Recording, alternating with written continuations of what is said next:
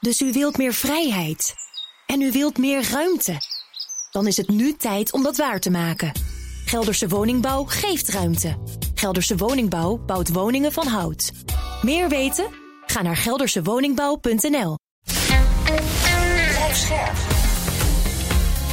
BNR Nieuwsradio. Boekenstein en de Wijk. Hugo Reitsma. We'll start tonight in, in the Middle East, where Israel. What? Israel isn't supposed to defend itself? Oh, yeah, really? What is the matter with you? It's the only democracy in the Middle East, you Holy.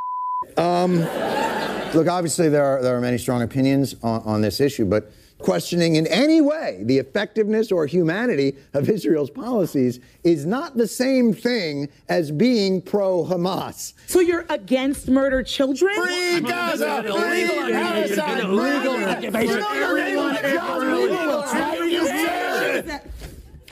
You know what? Why don't we just talk about something lighter, like uh, Ukraine? Na de oorlog in Oekraïne is het nu ook oorlog aan de Nederlandse talkshowtafels en de Amerikaanse. Want het gaat weer over het Midden-Oosten. En nu iedereen elkaar weer de maat heeft genomen, of je al genoeg oog hebt voor het leed van de Israëli's of de Palestijnen, kunnen wij misschien eens voorzichtig op zoek naar de nieuwe wereldorde. Bij Boekestein aan de Wijk met Carolien Roelands, Midden-Oosten-expert van NRC. Welkom. Hallo. Uh, waar te beginnen hè, met dit onderwerp? Nu weer een treurige cyclus van geweld. Er komt onnoemelijk veel leed aan. En uiteindelijk is er dan een oplossing meestal geen steek dichterbij gekomen. Of, Carolien, jij beschouwt dit conflict al meer dan 30 jaar. 40 alweer, geloof ik. Ja. Dwingt zoiets ook wel eens tot politieke stappen die wel constructief zijn? Het heeft in het verleden, tientallen jaren geleden, wel eens gedwongen tot constructieve stappen in, uh, in dit conflict. Hè? Want ik kan een heleboel andere conflicten erbij halen. Die ja, dat, dat komt misschien nog. Oké. maar uh, in dit conflict zijn uh, diverse pogingen gewaagd. met meer of minder succes van de Amerikanen, maar ook van de Europeanen. Het Oslo-project, de Vrede van Oslo. Ja, 90. Ja. Um, maar het heeft de laatste jaren gewoon braak gelegen, zou je kunnen zeggen. Niemand heeft zich er meer tegenaan bemoeid. Het ging erover uh, om, om zoveel mogelijk Arabische landen ertoe over te halen om normale banden aan te knopen ja. met Israël. En dat was heel succesvol. En in dat proces verdwenen de Palestijnen helemaal van tafel. Dat was gewoon hek eromheen en niet meer naar kijken. Was precies, het idee. Precies, ja. ja. Dat heeft gefaald.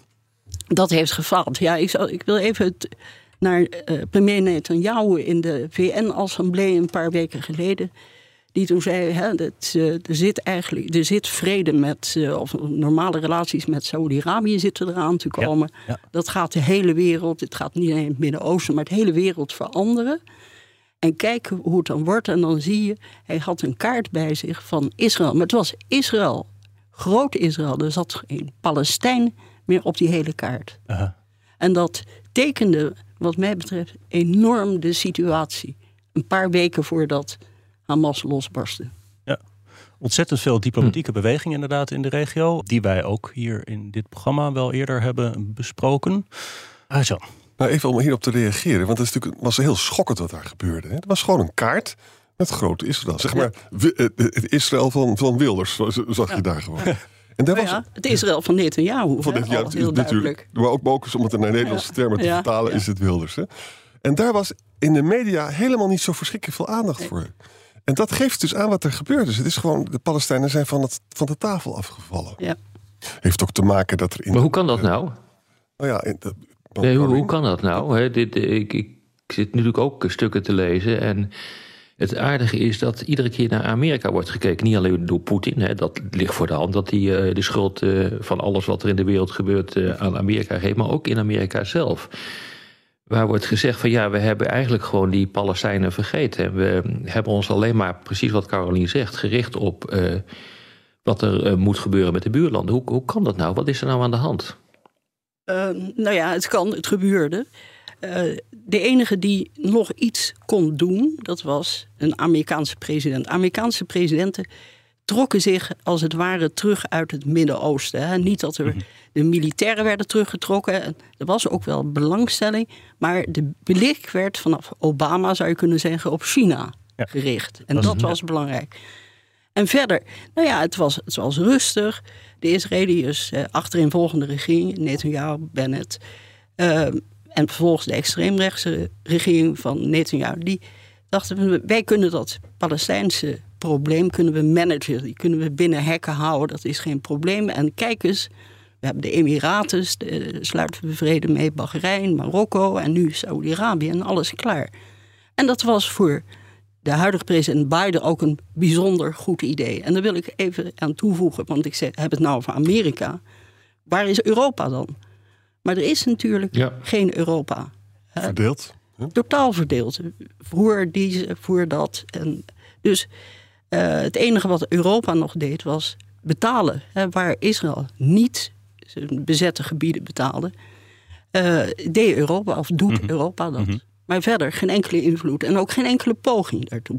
Ja, en wat ik ook heel treurig vind is dat in dat hele proces hè, van de erkenning van de staat Israël door Saudi-Arabië, waarvan de kroonprins zelf zei dat het, uh, dat het aardig aan het vorderen was. Hè. Wat ook weer niks zei hoor. Wat, wat, ook, wat ook weer niks zei, maar goed, dat, dat, we keken er allemaal naar daar, ik refereer nu even aan die Thomas Friedman uh, column. Die zei van ja, de, de mullahs in uh, Saudi-Arabië die, gaan, die willen dat misschien wel doen, maar dan moet er wel echt een twee staten. Er moet wel wat komen voor de Palestijnen. En er werd ook door Thomas Friedman gesuggereerd dat daar zou de kroonprins niet omheen kunnen. Hè? Nou, door, door de, de ellende die er nu is plaatsgevonden, is dus die twee-staat-oplossing was al mijlen helemaal weg, uh, ver weg achter de zon, is nu door deze daad eh, nog verder achter de zon. En dat maakt het zo treurig, omdat het nu dus de weg opent. Niet alleen naar een toenemende geweldspiraal in Israël en Gaza, maar ook in de hele regio. Ja. En daar moeten we het ook vooral over hebben straks, denk ik. Hè? Dat gewoon de hele tent kan in de mm. fik gaan. Nou, begin maar. Nou ja, uh, verbeter mij maar, jongens. Maar ik zie het als volgt. Ik denk dat het uh, politiek gesproken in Israël zelf, als ik, als ik de kranten lees, dat het nu gewoon onvermijdelijk wordt. Ze zeggen het ook dat ze erin gaan trekken. Nou, dat betekent uh, denk ik heel veel slachtoffers. Meer dan duizenden, denk ik. Dat, dat maakt het onvermijdelijk, lijkt mij, tenzij ik gek ben, dat Hezbollah die aanvallen gaat intensiveren. Het maakt, me, het maakt het ook onvermijdelijk dat Iran en Syrië dingen gaan doen. Nou, dan. Uh, en als dan ook nog eens een keer tussen Saoedi-Arabië en Iran spanning ontstaat, dan hebben we een enorm probleem aan alle kanten. Ik zou zeggen, we hebben al een enorm, of we, ze uh, hebben al een uh, enorm probleem. Um, ja, wat betreft die, uh, het, het, grondoffensief van Israël. De, vannacht heeft de Israëlische regering geëist dat 1,1 miljoen Palestijnen uit hun woongebied ja. verdwijnen naar een ander deel van de Gazastrook. Ze hebben gezegd: de VN moet dat maar oplossen. De VN heel boos. Ze zeggen, hoe kan dat nou? En er staan allemaal ziekenhuizen in het gebied. En nou ja, verwijzingen naar, uh, naar schendingen van internationaal rechtelijke verdragen natuurlijk. Hè? Dat, uh, mm -hmm. dat is duidelijk. Dus dat voorspelt helemaal niks goed. Dus niet iedereen zal kunnen verdwijnen. Er zullen veel slachtoffers vallen. In ieder geval zal de schade nog verder enorm zijn. En ik vind het ook nuttig om dat even erop, er even op te wijzen dat bij al die vorige oorlogen met Hamas ook heel veel schade is aangericht. En dat er vervolgens het heel lastig is om te herbouwen. Omdat Israël uh, laat lang niet alles toe aan bouwmateriaal, want dat kan weer worden gebruikt door Hamas om wapens uh, te fabriceren. Dan wat betreft uh, Hezbollah en Iran. Uh, het is waar dat natuurlijk Hezbollah en Iran staan aan de kant van Hamas. Maar zijn aan de andere kant ook voorzichtig. Hè? Uh, Hezbollah heeft de ervaring van de oorlog van 2006. Toen een, belangrijk deel van, van Libanon helemaal kapot is gegooid. Met opzet door de huidige adviseur, geloof ik, van de huidige Israëlische regering, meneer Eisenkot. Um, dat is de Dahia-doctrine. Je gooit heel erg veel kapot, zodat je je afschrikkingskracht versterkt. Mm. En um, dus Hezbollah is ook gewaarschuwd. We gaan jullie terug bombarderen naar het stenen tijdperk als je er maar iets uithaalt. Het is niet in het belang van Hezbollah om zoveel schade over Libanon heen te halen. Dus daarom zie je, er gebeurt wel wat, maar het is heel voorzichtig volgens de regels die ze hebben met het Israëlische Nou ja, ik vind ook, Ik ben het daarmee eens. Eh, maar je kunt er ook vanuit een militair perspectief naar kijken. Dan kun je wat er gebeurt in eh, de Gazastrook niet vergelijken met wat er gebeurt op de Golanhoogte. Of laten we zeggen in het noorden van Israël dan wel het zuiden van Libanon. Gaza, ik heb er eerder op gewezen, dat doet zeer sterk denken aan wat er gebeurd is in Grozny. Uh, Grozny was uh, hoofdstad van Tsjetsjenië, daar zaten opstandelingen. En wat de Russen hebben gedaan, uh, eerst in het midden van de jaren negentig... maar daarna eigenlijk, eigenlijk pas goed aan het eind van de jaren negentig... is omsingelen de stad, afgrendelen. Er kan geen water meer in, er kan geen voedsel meer in, er kan niks meer in. Je, mensen kunnen er niet uit. Op een gegeven moment is er wel gediscussieerd over een, een uh, humanitaire corridor. Precies wat er op dit ogenblik gebeurt wat de Russen toen hebben gedaan. Die hebben ook eh, begrepen dat de stedelijke oorlogvoering... dat is bij wijze van spreken zelfmoord. Dus je gaat de stad niet in. En je gaat de stad gewoon plat bombarderen, sector voor sector. En je vertelt tegen de mensen, ga eruit, wegwezen. Dit is exact het model wat ik op dit ogenblik zie voltrekken in, uh, uh, in Gaza. En uh, dus ook zeg maar de, de, de verklaring dat de mensen 24 uur de tijd hebben om naar het zuiden te trekken, past hier precies. En dan begin je gewoon in het noorden van de stad, begin je de boel eh, plat te bombarderen. Dan kijk je net zoals in Grosny wat er in de tunnels zit. Waarschijnlijk zijn er ook uh, fortificaties aangebracht, misschien wel mijnenvelden, booby traps, gaan zo maar door. Het doet heel erg sterk hier aan denken. En jullie weten ook, na Grosny waren de beschuldigingen van uh, mensenrechten uh, schendingen niet van de lucht. Als je naar het zuiden van Libanon kijkt dan is, dat doet dat veel meer denken, aan een echte interstatelijke oorlog. Die uh, ook, uh, laten we zeggen, ja, het, het, het voorbestaan van de staat Israël nog meer bedreigt. En dat betekent dus gewoon dat afschrikking wordt in één klap van groot belang. En Caroline die zei net terecht van we bombarderen jullie terug tot uh, in het stenen tijdperk. Dat is afschrikking. En het zou me niet verbazen als die afschrikkingsboodschap heel hard is uh, gegeven. En iedereen weet dat uh, Israël over kernwapens bezit. En iedereen twijfelt er niet aan dat die kernwapens, als het nodig is, ook daadwerkelijk worden ingezet. Want hiervoor hebben ze ze ontwikkeld. Nou, je gaat nu heel, heel ver kernwapen, een, een, een nucleaire oorlog. Ik... Zo gaat het altijd ja. in dit programma. Ja, dat willen we allemaal ja. niet horen. Ja, nou, dat, nee, nee, maar wacht even. Kijk, ik, ik, kom net, ik kom net uit Engeland. Ik zit nou weer in een ander buitenland, maar ik kom net uit Engeland.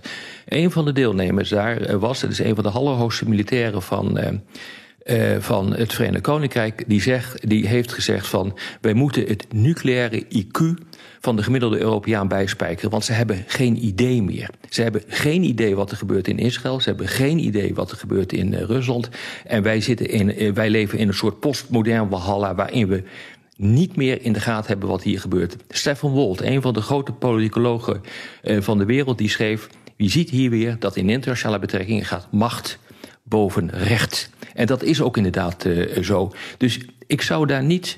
Ik zou dit niet te snel wegwijven, want dit is precies waarom Israël die dingen heeft ontwikkeld. Ja, dat, dat is duidelijk. En dat is ook precies de reden waarom ze niet willen en niet zullen tolereren dat Iran kernwapens ontwikkelt. Want dan hebben ze niet meer het alleenrecht daarop. Maar niettemin, het gaat mij een forse stap te ver om in kernoorlogen te denken.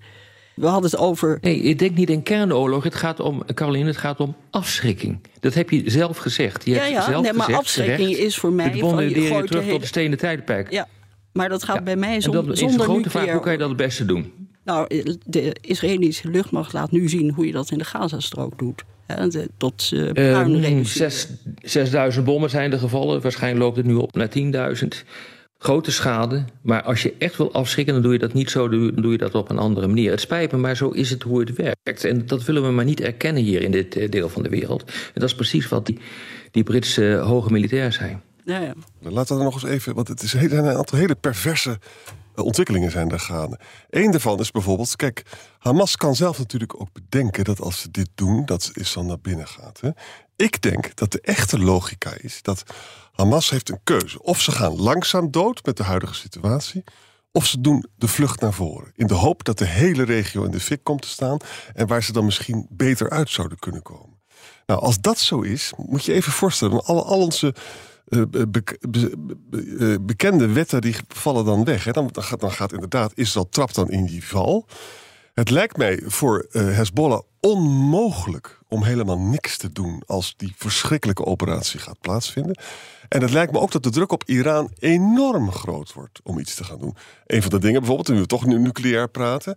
Uh, Iran is vrij dicht bij een kernraket. Dat zouden ze dan dus kunnen versnellen nu. Hè? Dat kan allemaal gebeuren. Ja, dat zou kunnen. Dus met andere woorden, het, eigenlijk vind ik de situatie nu gevaarlijker dan ooit. Nou, dat is zeker het geval. ik wil iets uh, over Iran zeggen. Ik vind Iran heel zenuwachtig reageren. Eigenlijk. Ja, ja. Helemaal niet. Je zeggen natuurlijk, wij steunen Hamas, en dat weten we ook allemaal. Toen kreeg je zo'n artikel in de Wall Street Journal dat ze echt de hand hebben gehad in deze uh, aanval, deze beestachtige, moet ik echt elke keer bijzeggen, aanval van, uh, van Hamas. Dat is onderuit gehaald, dat artikel, door een heleboel analisten, op, op een heleboel, om een heleboel redenen, onder andere ook de reden dat niemand in Israël wist er kennelijk van, of in ieder geval niet veel. Nou, als je zoveel mensen erbij betrekt, dan, lokt, dan, dan gaat het uitlokken natuurlijk, uitlekken. Ehm, maar als je kijkt, ze, ze, ze, vinden, ze prijzen Hamas, maar tegelijk ontkennen ze ook, tot en met groot, de opperste leider, dat ze er de hand in hebben. Ik, het trof mij dat ik ook een, en ik ben natuurlijk niet de enige, een, een eh, verklaring kreeg van, van de Iraanse ambassade in Nederland, waarin ze dat ook in alle standen onderstreepten dat ze niet de hand erin hebben. Hm. Uh, en Blinken zegt ook, er is geen hard bewijs. Precies, precies, dat zegt hij ook. En, maar er zijn tegelijk, nou, met name in Amerika... Door, het is ook ja? Het is ook ontkend door, uh, door Hamas zelf. Hè. Er is nu uh, bekend uh, gemaakt hoe die operaties. Nou ja, nee, maar het is wel plausibel. Kijk, het is bekend gemaakt hoe die operatie is, is ontwikkeld, wanneer ze ermee zijn begonnen. Eh, de vertegenwoordiger van Hamas, of in ieder geval ja, een vertegenwoordiger van Hamas in Libanon, die heeft gezegd van het is in zo'n kleine kring bekend geworden dat het absoluut niet naar buiten mocht komen, dat het anders zou uitlekken. Dat wilden we niet. Dus uh, dat, dat, dat, uh, dat bevestigt. inderdaad, dat in ieder geval Iran, misschien wisten ze er wel van, dat zou natuurlijk nog wel gekund hebben. Maar het plan ik, ik vraag me echt af of, ze, uh, of zij, uh, ook wat ik zeg maar van Hamas zelf hoor, hoewel ik ook niet altijd bereid ben om die mensen te geloven. Maar in dit geval is het wel plausibel wat er gezegd wordt. Ook wat ze hebben onderzocht en waar en wat de doelstelling is van die operatie. En de doelstelling ja, is toch merkwaardig, want de doelstelling is geformuleerd als het uh, onschadelijk maken uh, van een, de Israëlische krijgsmacht in het zuiden. En dat is op zich geen doel op zich. Je moet een politiek doel hebben. Want oorlog is voorzetting van de politiek met andere middelen. En wat is nou het politieke doel? En dat is niet goed gecommuniceerd, vind ik. Of, of klopt dat niet, uh, Carolien? Nou, is dat wel ik zou zeggen, wat ze willen? Nee, dat moet je er maar uit, uh, uit opmaken. Dat, er is ook ja, dat is toch raar? ja, ja. Het, ja, dat, ja, dat is raar. Dat is raar maar... Ja, als je, iets wil bereiken, als je iets wil bereiken, moet je een politieke doelstelling hebben. Je zou kunnen zeggen, deze, deze actie spreekt voor zichzelf. ik, ik, ik zie het als een extreem botte mm machtsgreep. Uh, Hamas uh, uh, dreigde niet in de vergetelheid, maar toch in een zwakke, steeds zwakkere positie te geraken. Die, al die Arabische landen die maar aanknoopten met Israël uh, een en al probleem uh, in, het, uh, in het gebied, in de Palestijnse gebieden. steeds problematischer op de West-Jordaan en in de Gazastrook. Dit is het moment, hè, en dat besluit je een jaar geleden of iets dergelijks, om met extreem bot, beestachtig geweld de aandacht weer op jezelf te vestigen. Hier ben ik en ik. en met ons moet je rekening houden. Ik denk dat het in die termen, dat je in die termen moet gaan uh, moet denken. Ik ben het met je eens, maar je moet met iemand rekening houden. Maar dan moet je ook weten waarom je met hem rekening uh, moet houden. En dat is niet alleen maar om botte militaire macht, maar omdat je een politiek doel hebt. En wat is dan het politieke doel wat je wil bereiken? Nou, het politieke doel dat je wil bereiken is natuurlijk. Uh, dan ga je naar het, uh, het, het, manifest, het uh, handvest van, van, van Hezbollah, van Hamas. Dat in 2017 overigens is wat is aangepast.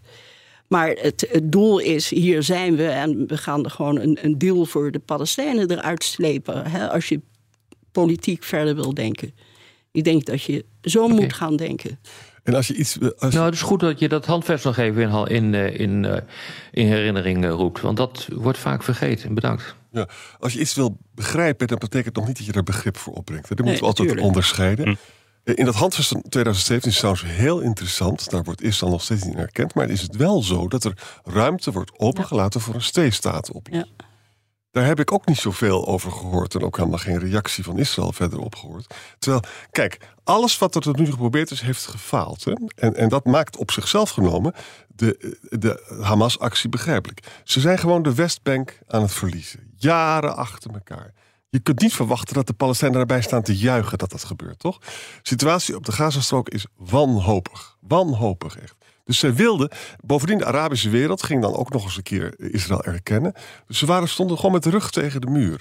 Ik begrijp eigenlijk niet waarom je dit soort dingen niet mag zeggen. Want het is toch gewoon hm. evident dat het zo is. Nou, dat rechtvaardigt die barbaarse daden niet. Maar het zou, wat, wat een politiek doel zou kunnen zijn, is dat er dan uh, dat ook in Israël over een paar maanden het inzicht komt van ja, we hebben het nu ook, dit werkt dus ook niet. En Hamas blijft natuurlijk bestaan. Hè, de paddenstoelentheorie, je doodt de vader, maar de zoon staat op. Nou, misschien moeten we dan toch maar gaan denken aan een duurzamere oplossing en aan die twee-staten-oplossing. Zouden de Amerikanen daar uh, nog zoiets kunnen afdwingen? Of is hun invloed in het Midden-Oosten zodanig verminderd sinds bijvoorbeeld de tijd van de Oslo-akkoorden dat dat eigenlijk ook niet meer lukt? Nou, de eerste vraag moet zijn: uh, zouden de Amerikanen dat willen? En als je hm. kijkt naar de uitspraken mhm. van, van Biden of van Blinken of van uh, individuele senatoren die soms zeggen van we moeten gewoon hoe dan ook nou eerst ook maar bommen op Teheran gooien. En dus willen de Amerikanen uh, die koppen tegen elkaar gaan slaan en uh, iets bereiken van de onderhandelingen? Ik denk vandaag niet. Hè? Dat, dat, daar zal tijd overheen gaan als het, als het al gebeurt. Hè? Want wie wordt de volgende president van Amerika? Dat, uh, stel dat het uh, Trump zou worden, dan is er weer een hele andere constellatie dan nu het geval is. Dus... Ook dit is weer rampzalig als Trump het wordt. Echt rampzalig. Ja. Dat weet ik niet. Hij heeft wel, onder hem zijn wel de Abrahamsakkoorden afgesloten. Is dat dan niet rampzalig? Of, het is goed, die Abraham-akkoorden zijn goed voor. Tussen Israël en een aantal Arabische landen. Ja, sorry. Die zijn goed voor de relatie tussen uh, Israël en de Emiraten en, en uh, Israël en Bahrein en Israël en Marokko. Maar die zijn bepaald niet goed voor de Palestijnen. En uh, die Abraham. Maar... Ja, maar die, dat is juist het grote zwakke punt van die Abraham-akkoorden.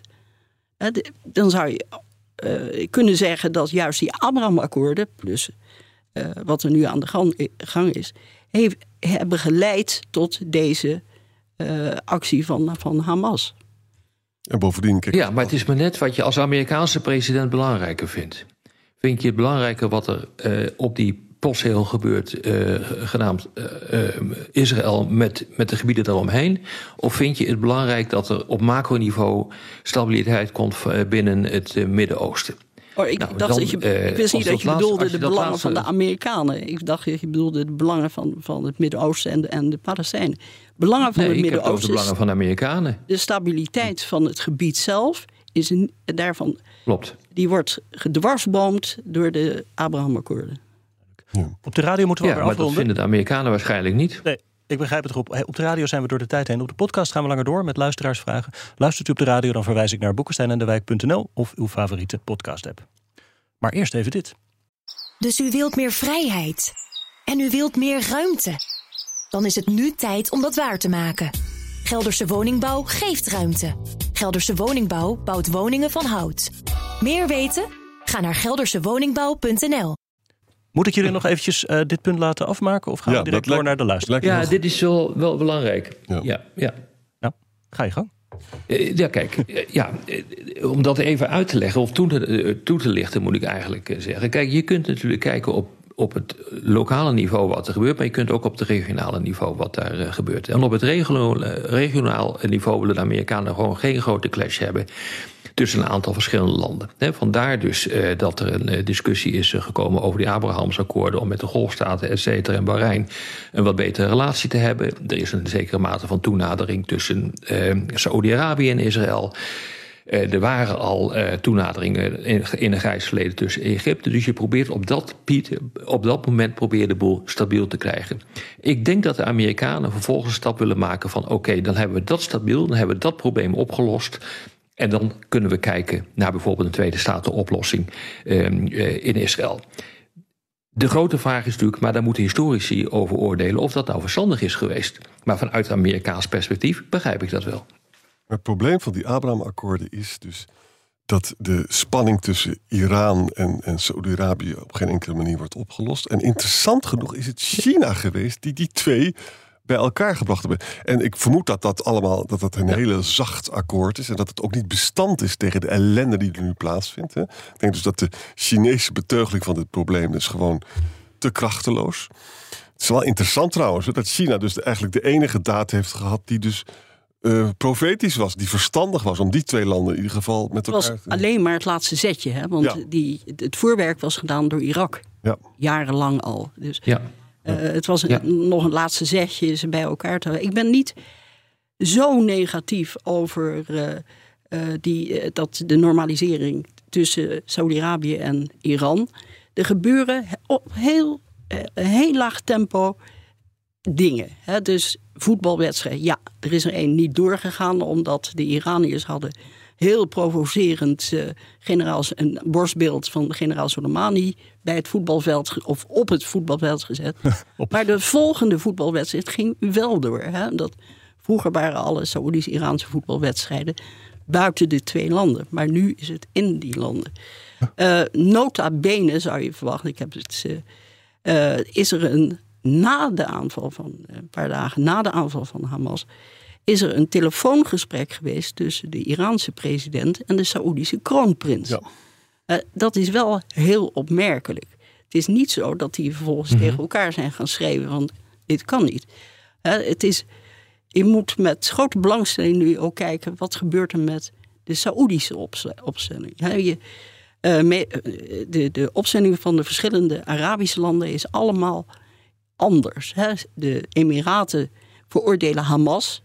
Hè, dat is logisch. En, en Bahrein. Maar dat doet Saudi-Arabië niet. Hè. Die noemen dat niet. Die zeggen weer: zie je wel, dit komt ervan als je geen oplossing hebt. Ga onderhandelen. Ja, en wat ook interessant maar even, om, de, even de redenering omdraaien, als ik, eh, als ik mag. Hm? Want dit is belangrijk wat er nu uh, gezegd uh, wordt. Stel je voor dat al die akkoorden er niet waren geweest. En ook als China niet geïnterveneerd had en het laatste zetje heeft eh, gegeven voor de relatie tussen Iran en Saudi-Arabië, dan had je het nu toch gewoon één grote bende gehad en een grote oorlog gehad in, uh, in het Midden-Oosten. Of, of zie ik dat verkeerd? Nou ja, of juist niet, maar de Palestijnen misschien niet in, in zo'n diep moeras terechtgekomen. Hè? Want juist nee, dat, door dat, die Abraham-akkoorden zijn ze dat ze... Sorry? Ja, dat, zo zou je dat kunnen beredeneren. Maar tegelijkertijd moet je ook constateren dat uh, die strijd tussen Hamas en, um, en Israël nooit weg is geweest. En dat laait om de zoveel jaar laait dat op. Maar, maar, maar hetzelfde dus geldt erop. Ik vind het lastig hoor. Het is een kip-en-ei discussie, dat begrijp ik ook wel. Maar met hetzelfde geld kan je beweren van juist het weigeren om over een twee-staten-oplossing te praten. En daarvan kan je echt met enige objectiviteit Netanyahu wel voor de voeten gooien. Nou. Dat, was, wat, dat was de enige manier geweest om uit die geweldspiraal te komen. Uh, en in een zekere zin zijn die Abraham-akkoorden natuurlijk ook weer een mogelijkheid om juist niet een twee-staten-oplossing te doen. Hè? Exact. Net zoals dus de, de, de, de broedertwist tussen het Palestijnse volk, tussen Fatah en zeg maar PLO en, en ook uh, uh, Hamas. Dat is, werd, was, kwam is natuurlijk heel goed uit. Het interessante van deze tijd is dat die, die oude politiek, hè, van we houden ze daar wel achter de hekken en af en toe trekken we erin, dat is, heeft dus gewoon niet gewerkt. En, daar, en daarvan moet je dus hopen, maar daar zijn we nog lang niet, want in Israël is iedereen woedend en om zeer begrijpelijke redenen. Uh, maar ik hoop toch dat mensen gaan inzien dat deze weg nergens toe gaat leiden. En ook militair kan het niet. Hè? Ik geloof namelijk niet in het Krosny-model. In het Krosny konden de mensen nog vluchten een bepaalde kant op. Hè.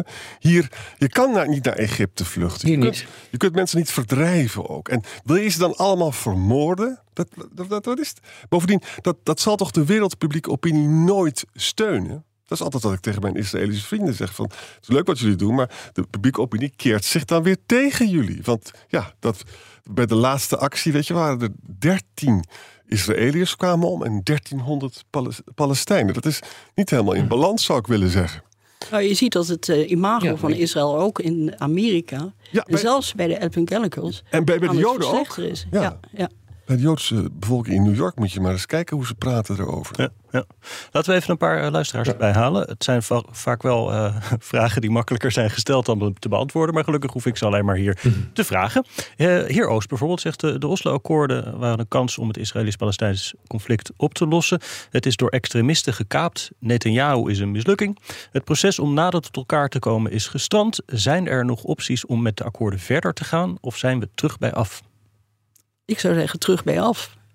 De uh, Oslo-akkoorden uh, hebben eigenlijk nooit gewerkt. Het, het, uh, het, was een nieuwe indeling van de, van de westelijke Jordaan-oever. alle grote problemen waren niet behandeld. Waren doorgeschoven. Hè? Grenzen, hoe gaat het? En ehm, wat is de toekomst van, van Jeruzalem? Er was gewoon helemaal niks. En uh, dus het, het, had ook, uh, het heeft nooit uh, een enige kans gemaakt om, om te slagen.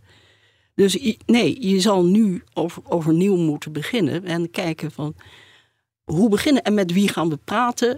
dat, dan, dan zegt iedereen natuurlijk, nou ja, Hamas in elk geval niet. En, en misschien wel Abbas de, van Fatah, van de Palestijnse autoriteit ook niet, van zwak. En, maar je zal toch met eh, mensen uh, moeten gaan praten. Je zal moeten gaan kijken. Er, er, zullen genoeg mensen zijn die zeggen van nou, dit kan niet verder doorgaan. De Palestijnen heb ik het nu over.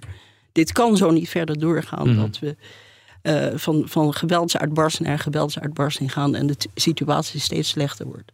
En er komt toch bij, hè, van, je ziet dus dat links Israël steunt nu rechts Israël, gewoon rallying around the flag.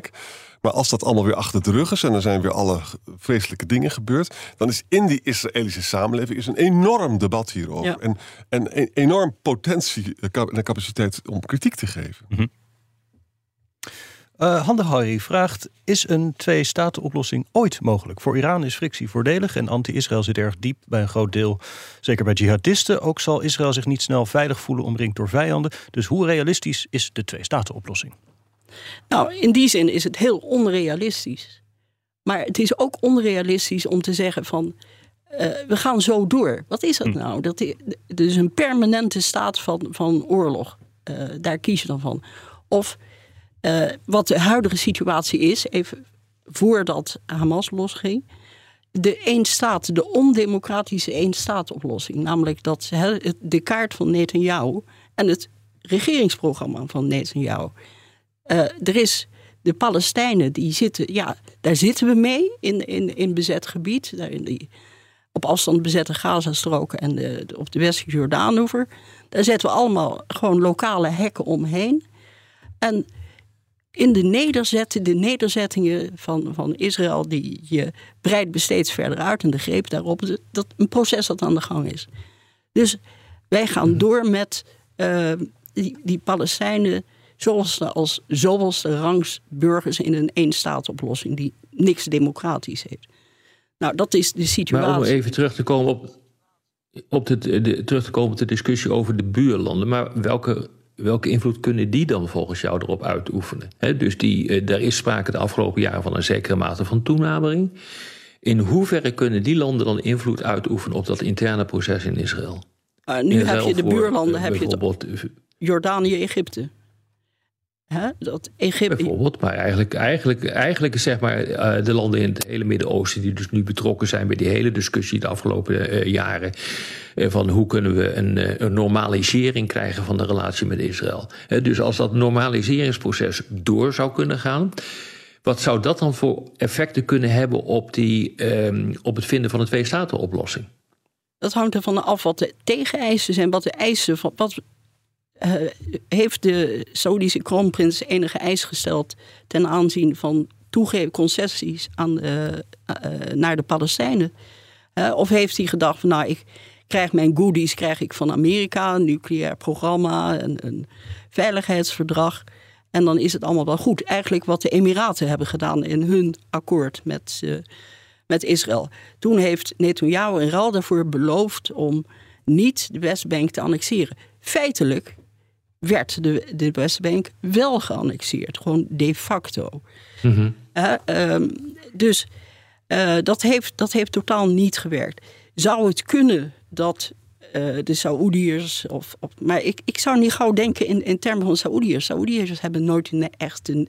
Behalve het grote vredes. Uh, nee, het gaat om alle landen waar we het over hebben gehad. Dus ongeveer het hele Midden-Oosten is op een of andere manier hierbij betrokken, behalve Iran. En zijn proxies in uh, de landen in, in, in, in nou, Zuid-Libanon. Een heleboel andere landen als Algerije en dergelijke ook helemaal niet betrokken. Maar uh, nee, maar dat, die liggen wat verder weg. Uh, maar daarom zei ik Jordanië en Egypte, hè, de buurlanden echt. Jordanië doodzenuwachtig.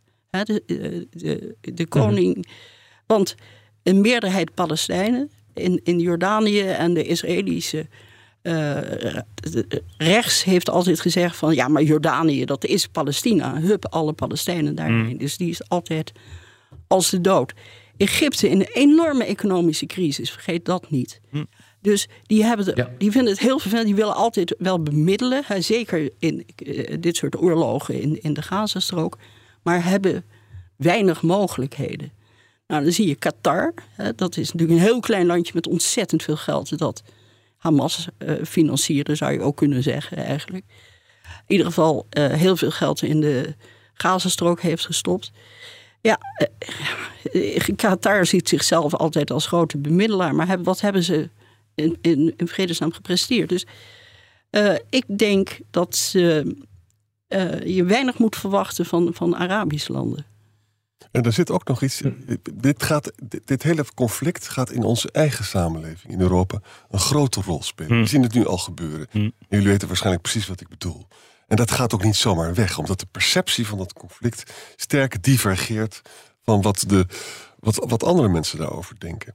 Nou, wat ik denk, kijk, stabiliteit in de wereld is een gevolg van twee dingen. Het is een gevolg van machtsevenwicht, wat er zijn de kosten om te orde. Het is ook een gevolg van legitimiteit. De Arabische landen, de kroonprins heeft misschien gedacht... nou, ik ben niet zo'n groot liefhebber van die Palestijnen. Ik wil de goodies van Amerika hebben. Ik kan dat misschien allemaal wel doen. Nu blijkt dus dat die weg afgesloten is. Nou, nu gaat Israël erop in. En nu zul, zul dat hele debat over wat er dan allemaal gebeurd is... Hè, de, de Nakba, de 700.000 Palestijnen die van huis en hart verdreven zijn... Hè. 1948. Ja, nou, dat, dat, daar praten mensen niet meer over. Maar dat is natuurlijk gewoon de weeffout waar alles uit voortkomt. Nou, de legitimiteit dus van het wegvagen van de Palestijnen lijkt me niet hoog. Dat komt in de geschiedenis wel voor dat dat, dat, dat gebeurt. Maar het leidt niet noodzakelijkerwijs tot stabiliteit. En dat, en dat geldt natuurlijk helemaal voor een gebied dat is afgesloten. Waardoor je dus ook die Hamas-leiders niet uit kan drijven. Want Egypte wil absoluut geen Palestijnen er hebben. Want Sisi is niet van het moslimbroederschap. Absoluut niet. Ja. Uh, ik wil tot slot nog eventjes uh, de vraag van Arjen Dauma meenemen. Die vraagt: Heeft de veranderende wereldorde en het gebrek aan een allesbepalende wereldmacht invloed op hoe deze oorlog is gestart en hoe het conflict zich zal ontwikkelen? Oh, dat is een hele. ja. Ik zou zeggen, Arjen, ga je gang. Ja, dat doen wij altijd. Dus die, uh, ja. Ik kijk altijd naar de expert. Zo. Dan ga ik een beetje achter schuilen hier. Zeg de vraag nog eens een keer. En dan heb ik tijd om na te denken. Het, het, het gebrek aan een allesbepalende wereldmacht welke invloed heeft hij? Ja, dat is natuurlijk. Jongens, dat is natuurlijk gewoon zo. Maar Caroline heeft zelf al gezegd dat de Amerikanen te veel naar China keken. Dat is het. En hoe vaak hebben we niet in dit programma geconstateerd dat wanneer de panelen gaan verschuiven in de wereld, wanneer een nieuw land opkomt, zoals China. En eh, wanneer dat betekent dat andere delen van de wereld, Amerika, het Westen, in algemene zin relatief minder wachtig wordt, dan per definitie historisch gezien ontstaan de fricties. Dat zullen kunnen conflicten zijn over alles en nog wat. En er kunnen oorlogen zijn, maar potentaten lokaal, ook Hamas die kijkt heel goed, heel strategisch. Dat zie je dus nu ook hoe dit is voorbereid. Naar het goede moment om dit, uh, om dit voor te bereiden. En dan, of om dit uit te voeren. En dan, kunnen, dan kunnen ze best een magistrale inschattingsfouten maken. Dat ze een politieke doelstelling uiteindelijk niet uh, bereiken. Maar het feit dat je stappen naar voren neemt in deze situatie is op zich niet vreemd. Even kijken, ik heb even tijd gehad om na te denken. Kijk, het, Amerika's macht is natuurlijk ook tanende. Hè? Dat zagen we heel goed dat Biden kwam smeken bij, de, bij die man die dus uh, die dissidenten in stukken zag. Bij Mohammed bin Salman van alsjeblieft kan je wat meer olie uh, oppompen. Mm -hmm.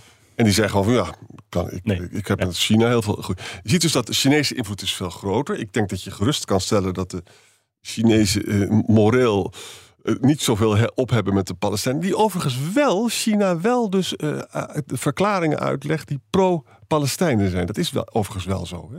Nou, wat ik alleen maar wil zeggen is... met een wereldregering zou alles natuurlijk veel stabieler zijn. Dat hebben, ze hebben we niet. En de hegemoon die we hebben is eigenlijk geen hegemoon meer. En we zitten in een multipolaire orde. En in een multipolaire orde is alles natuurlijk schimmiger. Ik ben heel benieuwd wat China nu uh, gaat doen. Ja, misschien Jongens, de VN-veiligheidsraad functioneert niet meer. De Veiligheidsraad zou hier een cruciale rol in moeten spelen. Maar die functioneert niet meer. En dat mogen we ook niet uh, vergeten. Uh, China is, heeft de partij gekozen van, van Rusland, stemt over van alles en nog wat neutraal weigert te veroordelen. Er zit een complete scheiding binnen de leden van het permanente leden van de Veiligheidsraad. En die hele organisatie, die Veiligheidsraad, kun je gewoon afserveren op dit ogenblik. Die speelt hier geen rol. Terwijl die nu een cruciale rol zou moeten spelen. Alleen je ziet in dit conflict dat de facto ook de partijen weer eh, verschillend partij kiezen in dit eh, conflict. Hè. Ik bedoel, het is geen wonder dat je van Rusland niks hoort. Dat is niet gek. Want die zit met, is met handen en voeten gebonden aan Iran. Dus die gaat echt zich niet hier uh, keihard tegenaan bemoeien. En die begint alleen maar te roepen dat Amerika uh, fout zit. Nou ja, nou ja ze is, profiteren er ook Dit is van, echt hè, een probleem van systeemfalen. Ja. Ze profiteren. Sorry? Nou, dat ze, Rusland er ook van profiteert van dit conflict. Hè. Zeker. Alle aandacht voor Israël en de Palestijnen, met name voor Israël. Alle wapens naar Israël. Hè, dat uh, Poetin kan in zijn handen wrijven. Ja, en bedenk ook dat, dat de relatie tussen Poetin en Israël was helemaal niet zo slecht. Hè? Dat nee, absoluut niet. Is helemaal gedraaid. Helemaal gedraaid. Ah, dit was ja, weer heel Boekestein de Wijk. Namens Arjan Boekestein en Rob de Wijk zeg ik dank voor het luisteren. Speciale dank aan Carolien Roelands en fijn weekend.